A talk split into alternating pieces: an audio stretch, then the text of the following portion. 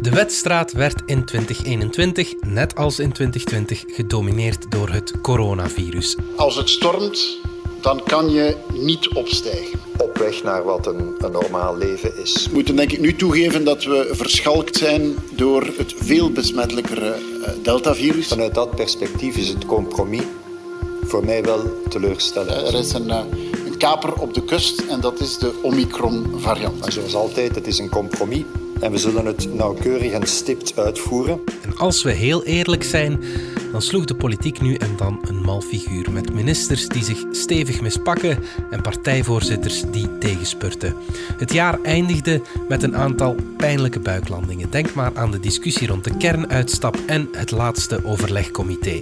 Herpakken onze politici zich in 2022 of zijn de verkiezingen intussen al te dichtbij?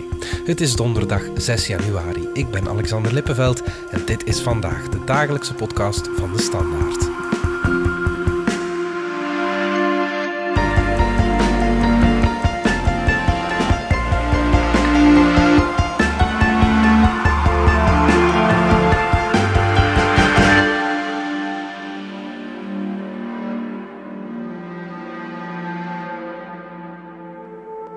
Jan-Frederik Abloos, chef politiek. Het is weer van dat vandaag overlegcomité. Een beetje de start van het nieuwe politieke jaar.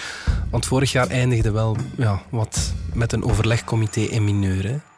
Uh, ja, klopt. Uh, in die mate zelfs dat uh, beslissing die het meest in het oog sprong, namelijk de sluiting van de culturele sector. Als minister van Cultuur zal het u niet verwonderen dat ik toch enorm meevoel met de cultuursector. Want ik denk uh, de uh, maatregelen die we vandaag nemen en de maatregelen die we verlengen, dat dat uh, zeker in deze periode, de kerstperiode is een belangrijke periode voor de cultuursector, ik ben me daarvan bewust dat dat hard aankomt. Dat ongeveer ja, het moment dat die genomen werd, uh, alle betrokken partijen zich al begonnen te distancieren van die maatregel, of toch ja. verschillende politici binnen partijen.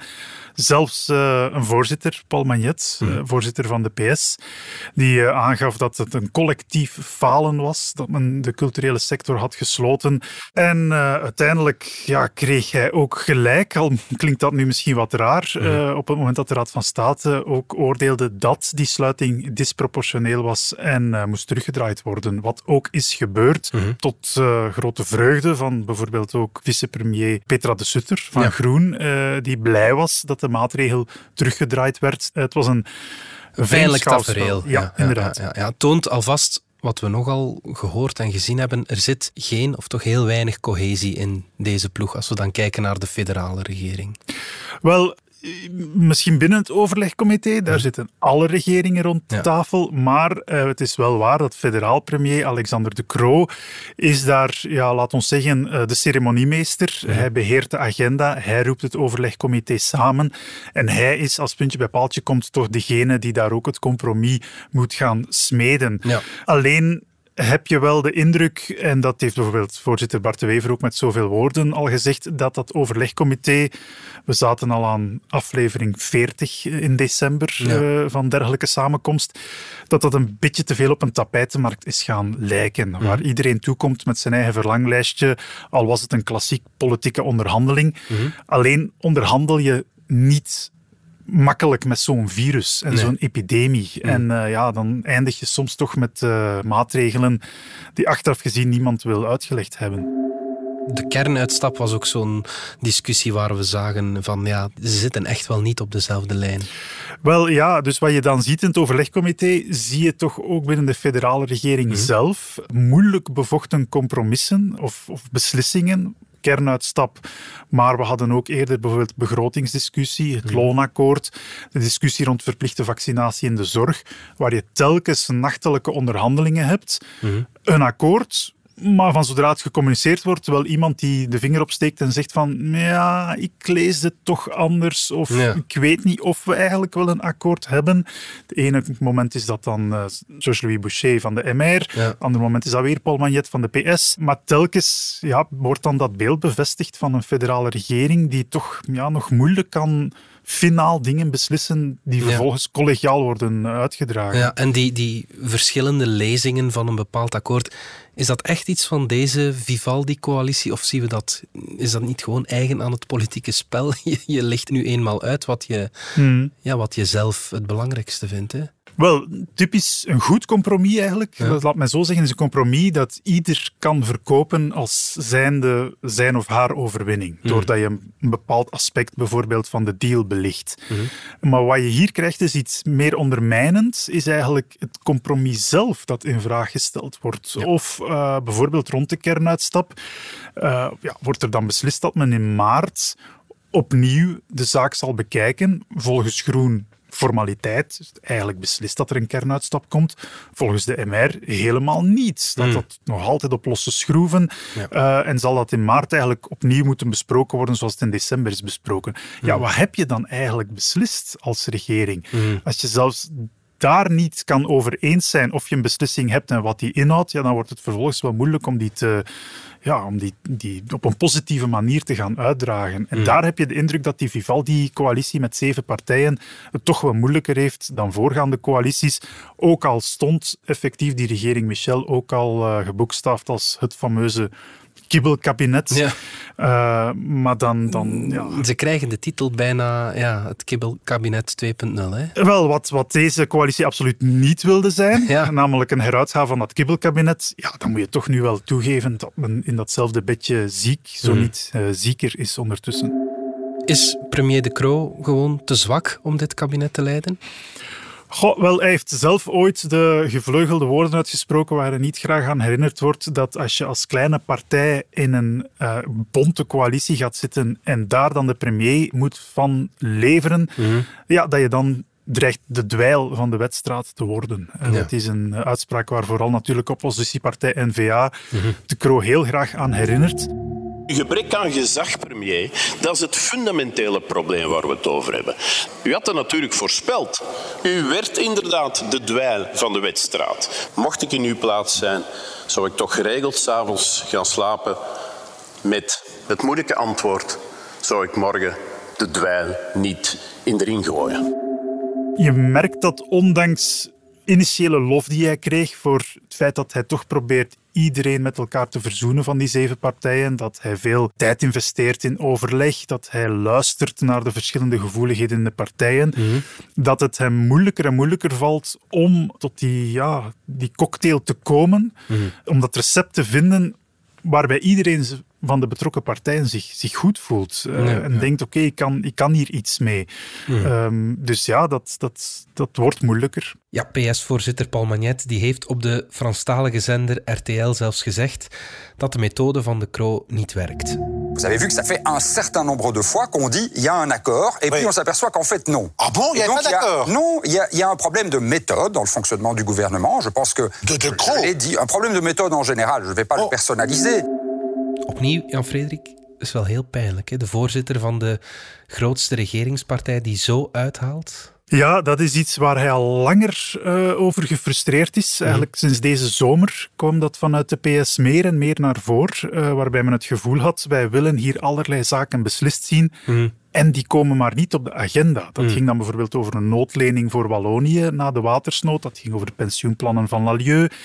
Telkens heeft Magnet het gevoel, er is te weinig voorbereiding, er is te weinig strakke timing. En achteraf is er ook ja, onvoldoende duidelijk wat we nu beslist hebben. Ja. En, en hij maakt dan een parallel een beetje vooral met de regering Di Rupo, uh, vroegere PS-voorzitter, die ook regeringsleider was, mhm. uh, van 2012 tot 2014. Hij stond ervoor bekend dat hij bij wijze van spreken uh, elke komma in een akkoord uh, drie keer uh, bediscussieerde vooraleer dat er afgeklopt werd. Ja. De Croo heeft duidelijk een andere manier van werken. Misschien omdat hij met zoveel partijen rond de tafel zit dat hij ook niet anders kan. Ja. Maar dat stoort Magnet. Dat het onvoldoende strak is, dat het onvoldoende ja. helder is. Il y a un problème de méthode. Voilà, j'en ai déjà parlé. Je crois qu'on doit vraiment faire en sorte que l'on prenne plus de temps pour préparer. On l'a vu ouais. aussi avec les comités de concertation. On fait un comité de concertation, on annonce des mesures, et puis dix jours après, il faut recommencer, il faut en refaire un. Alors qu'en principe, les mesures auraient dû être suffisantes. Ça ne va pas. Tegelijk is het denk ik ook wel een bewuste strategie van de Croo om zich niet zomaar de agenda en de timing van de PS te laten opdringen. Hij is de patroon, hij bepaalt wanneer welk dossier besproken wordt of niet. En dat is niet Paul Magnet. Had Paul Magnet dat willen doen, ja, dan had Paul Magnet premier, premier moeten moeten worden. worden. Ja, tuurlijk, ja. Een troost misschien eh, voor de Croo. Een paar huizen verder in Brussel doet eh, de Vlaamse regering, die ja, op papier ideologisch coherenter is, de regering van Jan Bon, doet het niet veel beter. Hè? Nee, ook daar zien we zelfde problemen. Grote dossiers. Op Vlaams niveau wordt dat dan eh, de bouwshift, de betonstop, het nieuw mestactieplan dat zich aandient, eh, stikstofdossier, nu Oosterweel. Allemaal heel, heel cruciale dossiers. Allemaal op het snijpunt van economie versus ecologie. En daar slaagt de Vlaamse regering simpelweg niet in om nog maar te komen tot een beslissing. Of tot een timing wanneer we die beslissingen nu gaan nemen. Dus ook daar heel veel werk op de plank komend jaar, maar onduidelijk of men in staat is om daar tot een vergelijk te komen. Zelfs N-VA-voorzitter Bart de Wever had kritiek op Jan Bon en zijn werkwijze. Dit zei hij in De Tijd. Ik zeg altijd, Jan zaagt dikke planken, maar de fijne afwerking is niet zijn ding. Hij trekt zich ook weinig aan van hoe hij overkomt en dat is moeilijker in crisis, waar communicatie belangrijk is. Hij werkt zich in de problemen met zinnetjes die ruimte laten voor verkeerde interpretatie of overbodig zijn.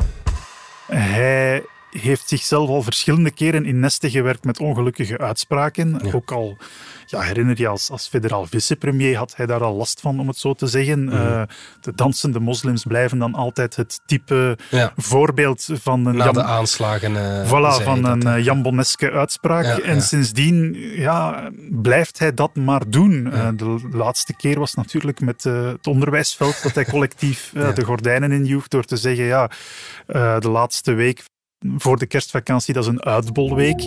Dat we de kerstvakantie uitbreiden met een week, laten we daar toch eerlijk over zijn, een week waar toch nog niet veel pedagogische impact van is. Ik denk niet in de laatste week voor de kerstvakantie.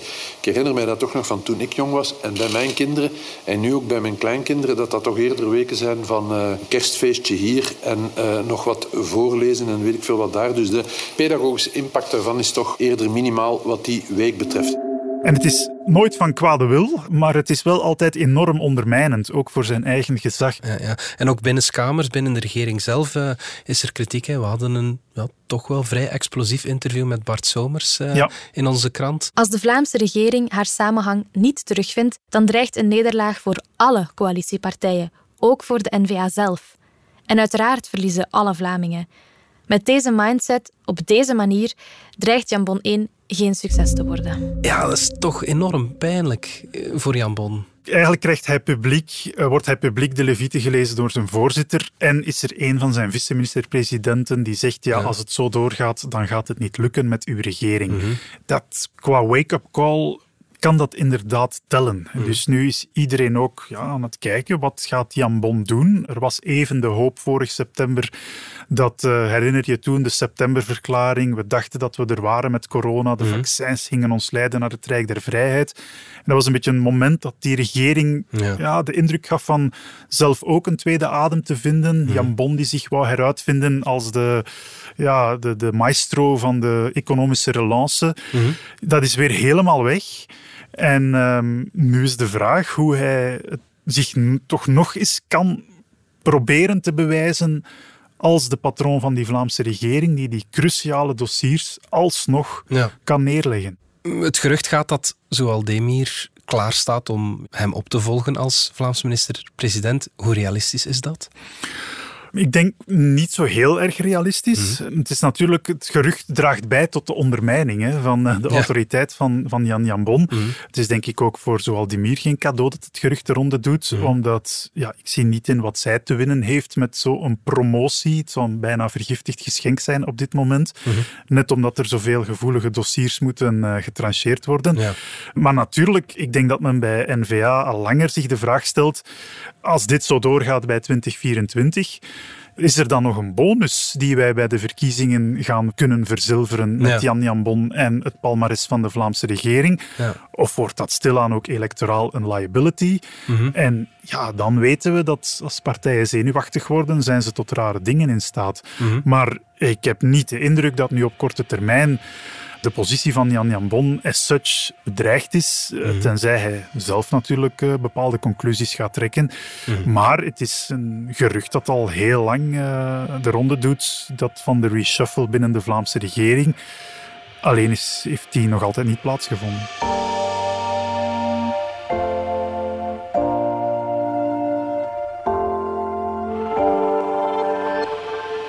We willen niet alleen achterom kijken natuurlijk, we kijken ook naar het nieuwe jaar. En dat wordt voor beide regeringsleiders, voor Jan Bon en voor de Croo, bijzonder uitdagend, om het eh, met een cliché te zeggen. Hè. Ja, ja, absoluut. Eh, we hebben het al een paar keer aangestipt, maar we kunnen toch niet onderschatten welke dossiers dat er zowel Vlaams als federaal op ons afkomen, eh, die echt wel fundamenteel zijn voor de samenleving van morgen vorm te geven. Ja. Federaal hebben we het dan natuurlijk over die kernuitstap. Hoe gaan we onze bedrijven en onze huizen voorzien van stroom? Ja, veel fundamenteler wordt het niet. Maar je hebt daar ook nog altijd de hele pensioenhervorming die wacht. Ook daar ja, moeten er nog belangrijke beslissingen genomen worden om toch die vergrijzingskost onder controle te houden. Ja. En Vlaams heb je dan, zoals ik al zei, een heleboel ecologisch-economische dossiers met de bouwshift, met het stikstofdossier, met het mestactieplan. Nu ook met Oosterweel, dat op juridisch wankele grond eh, blijkt gebouwd te zijn. ja, dus elk van die dossiers gaat eigenlijk over de vraag hoe gaan we in de toekomst in Vlaanderen wonen, werken en hoe gaan we beide van stroom voorzien. Ja, dat, Ja. eh, dat gaat naar de dat kern van de zaak. heel fundamenteel. Ja. Een trucje kan zijn, stort er gewoon een berg geld over en we lossen het wel op. Absoluut. Is dat, is Ja. dat eh, de manier om eruit te gaan?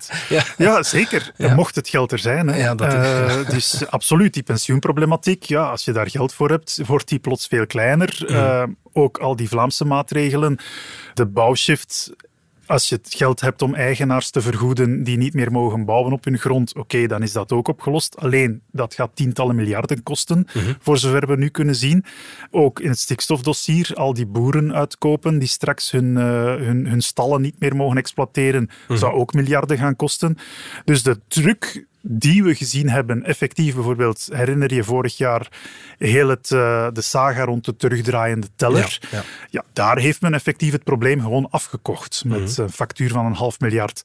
Alleen de facturen die nu op ons afkomen zijn van die grote orde dat dat niet meer gaat. Ja. Al is het maar ook omdat alle regeringen collectief in het rood fietsen. Ja. Eh, we zitten met een gezamenlijk begrotingstekort van boven de 20 miljard euro. Een schuldgraad van ver boven de 100 procent. Gouverneur van de Nationale Bank, Pierre Wunsch, heeft bij ons in de standaard gezegd ja, eigenlijk moeten we beginnen buffers aan te leggen Ja. voor de economische schokken die hoe dan ook zullen komen. Om de zoveel jaar heb je er wel één.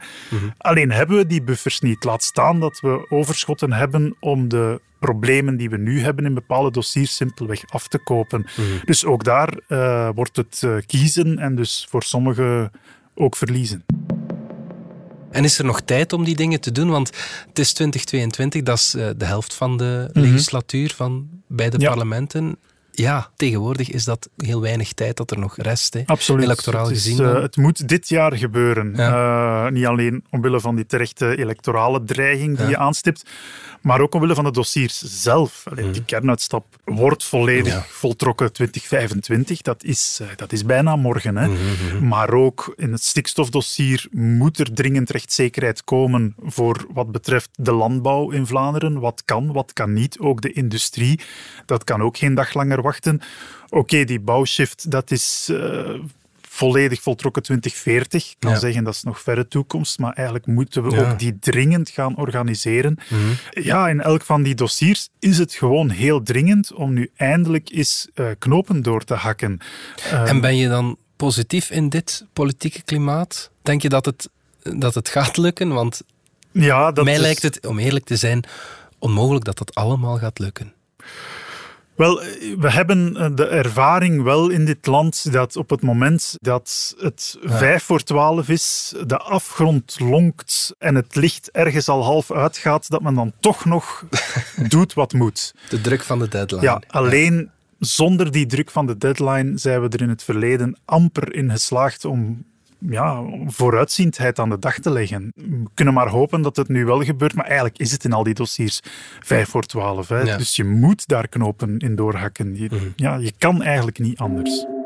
En wat denk je, wordt 2022 een beter politiek jaar? Ja, ik hoop het in elk geval. Ik denk hm. dat het, uh, het goede voornemen toch van veel politici zal geweest zijn rond de kerstboom. Net omdat het einde van 2021 zo belabberd was met dat overlegcomité. Ook met die halfslachtige beslissing rond de kernuitstap. Het niet beslissen op Vlaams niveau in alle cruciale dossiers. Ik denk of hoop dat ja, de periode tussen oud en nieuw bij veel regeringsleiders een periode van enige zelfreflectie was. En dat het een wake-up call was. Een wake-up call, inderdaad. Er zijn er nu toch genoeg gegeven en dat men in 22 aantoont, uh, bewijst wat men waard is, uh, eindelijk, uh, zou ik zeggen. Ja, ik hoop met jou mee, Jan Frederik. Dankjewel. Dit was vandaag de dagelijkse podcast van de Standaard. Bedankt voor het luisteren. Ken je trouwens DS Podcast al, de podcast-app van de Standaard? Daar luister je niet alleen naar onze journalistieke reeksen, je krijgt ook elke week een eigenhandige selectie van de beste nieuwe podcasts op de markt. Alle credits van de podcast die je net hoorde vind je op standaard.be-podcast. Reageren kan via podcast.standaard.be. Morgen zijn we opnieuw.